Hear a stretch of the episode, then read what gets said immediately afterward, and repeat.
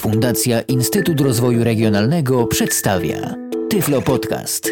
Audycja o technologiach wspierających osoby niewidome i słabowidzące. Chciałem powiedzieć trochę o tym, jak się mieści dostępność w politykach, w strategiach dużych firm ICT. Na początku to będą oczywiście firmy e, zagraniczne, takie bardzo znane, a potem będą firmy polskie, które z nas mogą, no części z nas nie być już takie bardzo znane. Otóż te strategie można umieścić e, w różnych miejscach e, w strategii firmy ICT. Ona może na początku nawet się znaleźć w odpowiedzialności społecznej, e, ale myślę, że ona potem musi ewoluować. A dlaczego, to za chwilkę dojdę. Na początek firma Microsoft. Jest Pan z Microsoftu jeszcze? Jestem. Dobra. Otóż w firmie Microsoft dostępność jest bardzo ważna i to już od bardzo, bardzo wielu lat. Właściwie można powiedzieć, że system operacyjny Windows był pierwszym tak naprawdę dostępnym systemem operacyjnym. Zaczęło się to bodajże już od wersji 90, nie, chyba nawet od wersji jeszcze tych 16-bitowych. Także pierwszą przeglądarką tak naprawdę dostępną był Internet Explorer wersji czwartej. To wynika z tego, że taka strategia została utworzona. Przeważnie w tych firmach, jak się zrobi taki adres www, w tym microsoft.com, przełamie się przez słowo accessibility, dochodzi się do tego, co firma o tym myśli. Tam są zapisane strategie, tam jest zapisane hasło. Firma Microsoft sobie takie hasło wymyśliła, że, że to włącza ludzi. To jest absolutnie prawda. Natomiast firma Microsoft w zasadzie ogranicza się do tego, że daje możliwości innym do wykorzystania ich platform. To znaczy stworzyła pewne API, takie, taki interfejs, który mogą wykorzystywać inni programiści do tego, żeby móc pisać aplikacje dostępne. Co prawda, systemy firm Microsoft coraz częściej zawierają także narzędzia od razu. Zdaje się, że Michał na przykład korzysta z systemowej lupy. Jest taka prosta aplikacja do powiększania. Kontrast najważniejszy chyba. Tak, Control Alt Spring Screen. W prosty sposób kontrast, kolory dostosować tak jak, to, jak, jak potrzeba ale po prostu dostarczają pewnego interfejsu, który może być wykorzystywany przez inne firmy. Ale oddamy to jednak mimo wszystko innym firmom. W przypadku firmy Apple jest trochę inaczej. Co prawda od niedawna, ale jest tak, że właściwie każdy produkt firmy Apple, ten sprzętowy, którym jest oprogramowanie, jest dostępny, że tak powiem, prosto z półki. Jestem szczęśliwym posiadaczem od jakiegoś półtora miesiąca odtwarzacza iPod. iPod to jest tak mały iPad tak naprawdę. Ja prawdę mówiąc na nim prawie nigdy nie słucham muzyki. Służy mi do wszystkiego innego przy słuchaniu muzyki. Mam tam wszystko. Mam przeglądarkę internetową, pocztę, mapy i to wszystko jest takie, że ja mogę tego jako osoba niewidoma używać. Co więcej, to jest urządzenie z ekranem dotykowym. Wydawało się, że zupełnie dostępnym dla osoby niewidomej. Ale tak nie jest. Naprawdę jestem w stanie używać tych wszystkich aplikacji. I to jest chyba pierwsza firma, która sobie przyjęła za cel, że ich produkty mają być dla wszystkich. Ja nie potrzebuję już teraz specjalnego programu. Kupiłem najzwyklejszy odtwarzacz, zapłaciłem za niego dokładnie tyle samo, co wszyscy. I mam to od razu. I to jest dostępne w urządzeniach tych mobilnych opartych na systemie iOS oraz od wersji 10.6, o ile pamiętam, tak? Wersja systemu operacyjnego MacOS na komputery. To są rozwiązania dostępne od początku, zaprojektowane uniwersalnie. Innymi słowy, tutaj firma Apple poszła troszkę dalej niż Microsoft, mianowicie nie tylko udostępniła inne interfejsy, żeby inni mogli to oprogramować, ale oprogramowała to sama. IBM. To jest taka bardzo znana firma, a mało kto wie, co ona robi tak naprawdę. Ona oczywiście robi też komputery, ale to jest jakby w tej chwili to już chyba margines jej produkcji. Kiedyś na każdy komputer się mówiło IBM, zupełnie niesłusznie. Ale ta firma ma też bardzo ciekawy program dotyczący dostępności. Jest to opisane bardzo ściśle w ich strategii rozwoju. Natomiast oni znowu mają troszkę inną filozofię. Dostępność ich produktów niestety często kuleje, ale za to oni opracowali pewne bardzo ciekawe specyfikacje techniczne.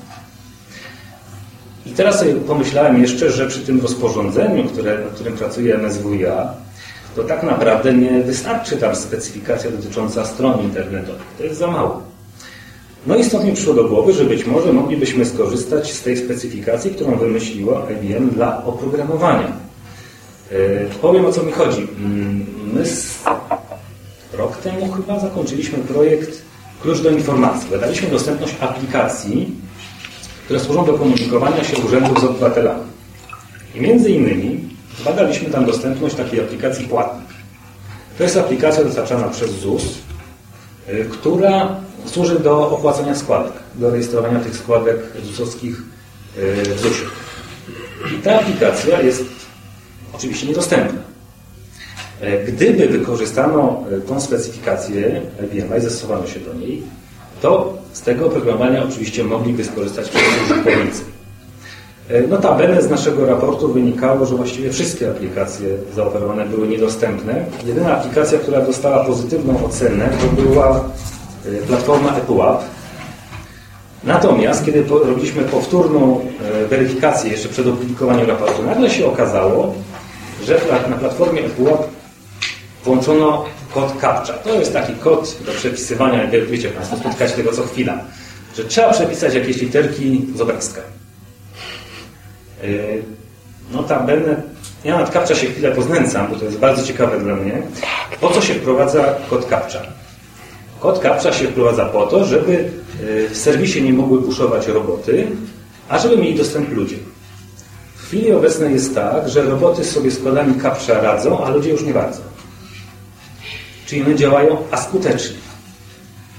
Ja mam tutaj w komputerze zainstalowaną taką wtyczkę, która mi każdy kod kapcza łamie. Kiedyś nie, nie radziła sobie z kodami na Google, ale w tym momencie już sobie z tym radzi.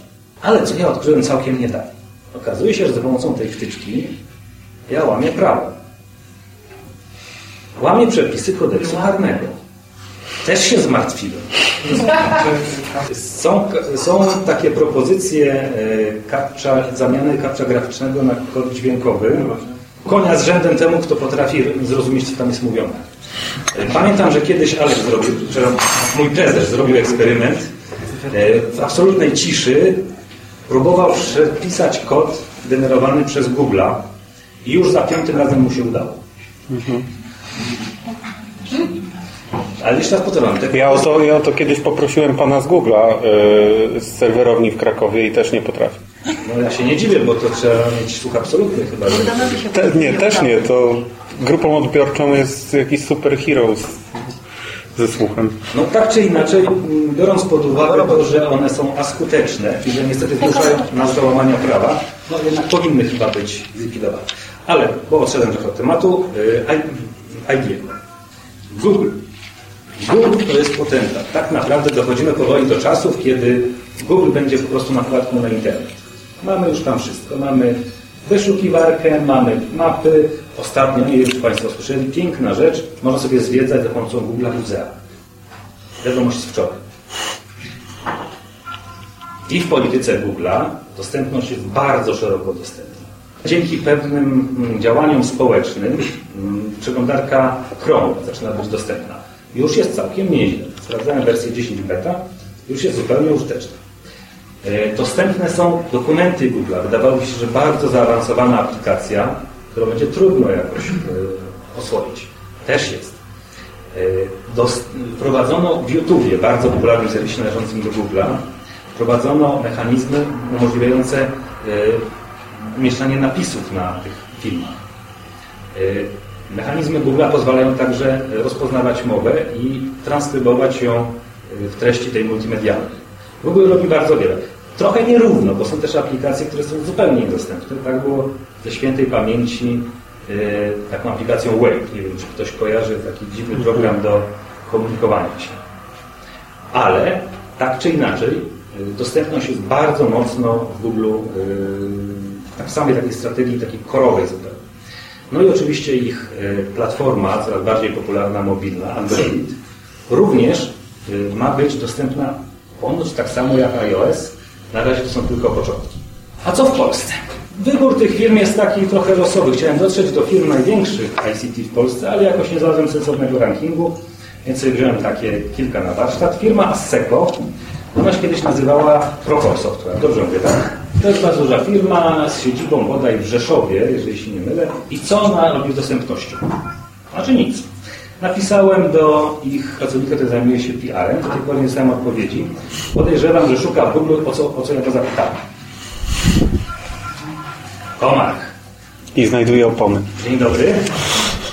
Witam Państwa Pan z Komarku. Z Komarkiem jest tak. Czyli nic.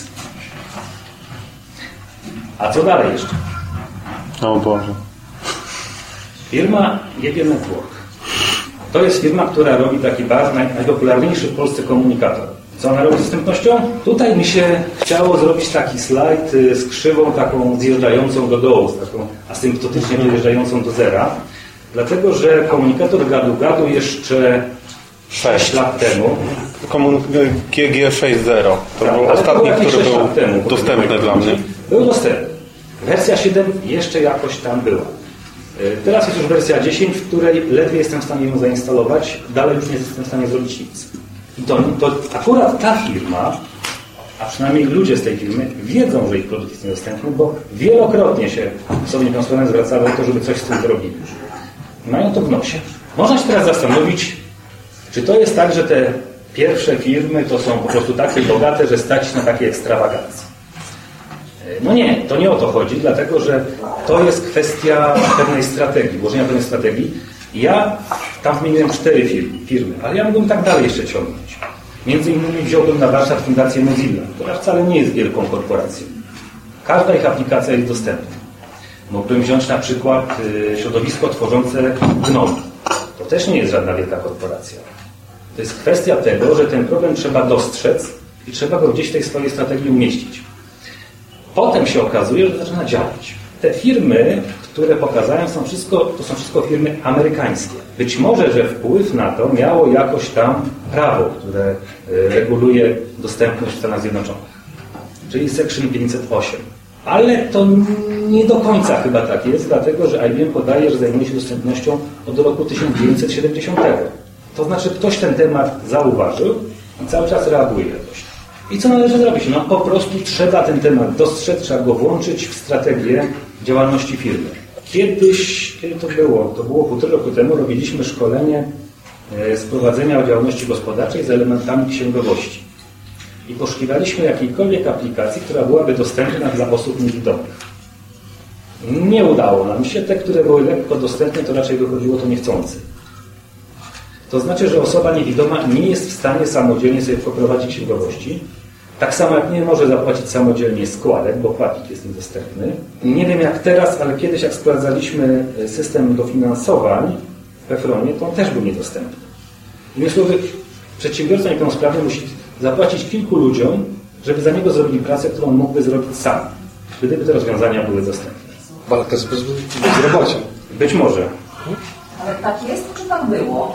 Tak Jeżeli jest. chodzi o płatnika, tak jest. Jeżeli chodzi o y, SODIR, nie wiem, badania były na, kon, na początek zeszłego roku, y, to wtedy tak było. Znaczy ja próbowałem w listopadzie sam i nie dałem rady, także Sodir y, powiedziałbym, że dalej. Jeżeli chodzi o programy księgowe, nie sądzę, żeby coś się zmieniło. Nie robiliśmy jakoś specjalnie trendy takiej świeższej, ale Pełnej dostępności nie ma, ale jakaś dostępność jest, bo kilka osób niewidzących ma firmy i gdzieś tam coś wystawia, tak? ja nie twierdzę, ale Ale nie mówimy to sami robią. Tylko magazynem nie jest w stanie, tam, jest, nie ma pełnej aplikacji, która by w całości to umożliwiała. Nie? Niedostępność powoduje, że osoby niepełnosprawne są wykluczone między innymi z obrotu gospodarczego, albo częściowo, albo całkowicie. Był to Tyflo Podcast. Audycja o technologiach wspierających osoby niewidome i słabowidzące. Audycja współfinansowana ze środków Państwowego Funduszu Rehabilitacji Osób Niepełnosprawnych.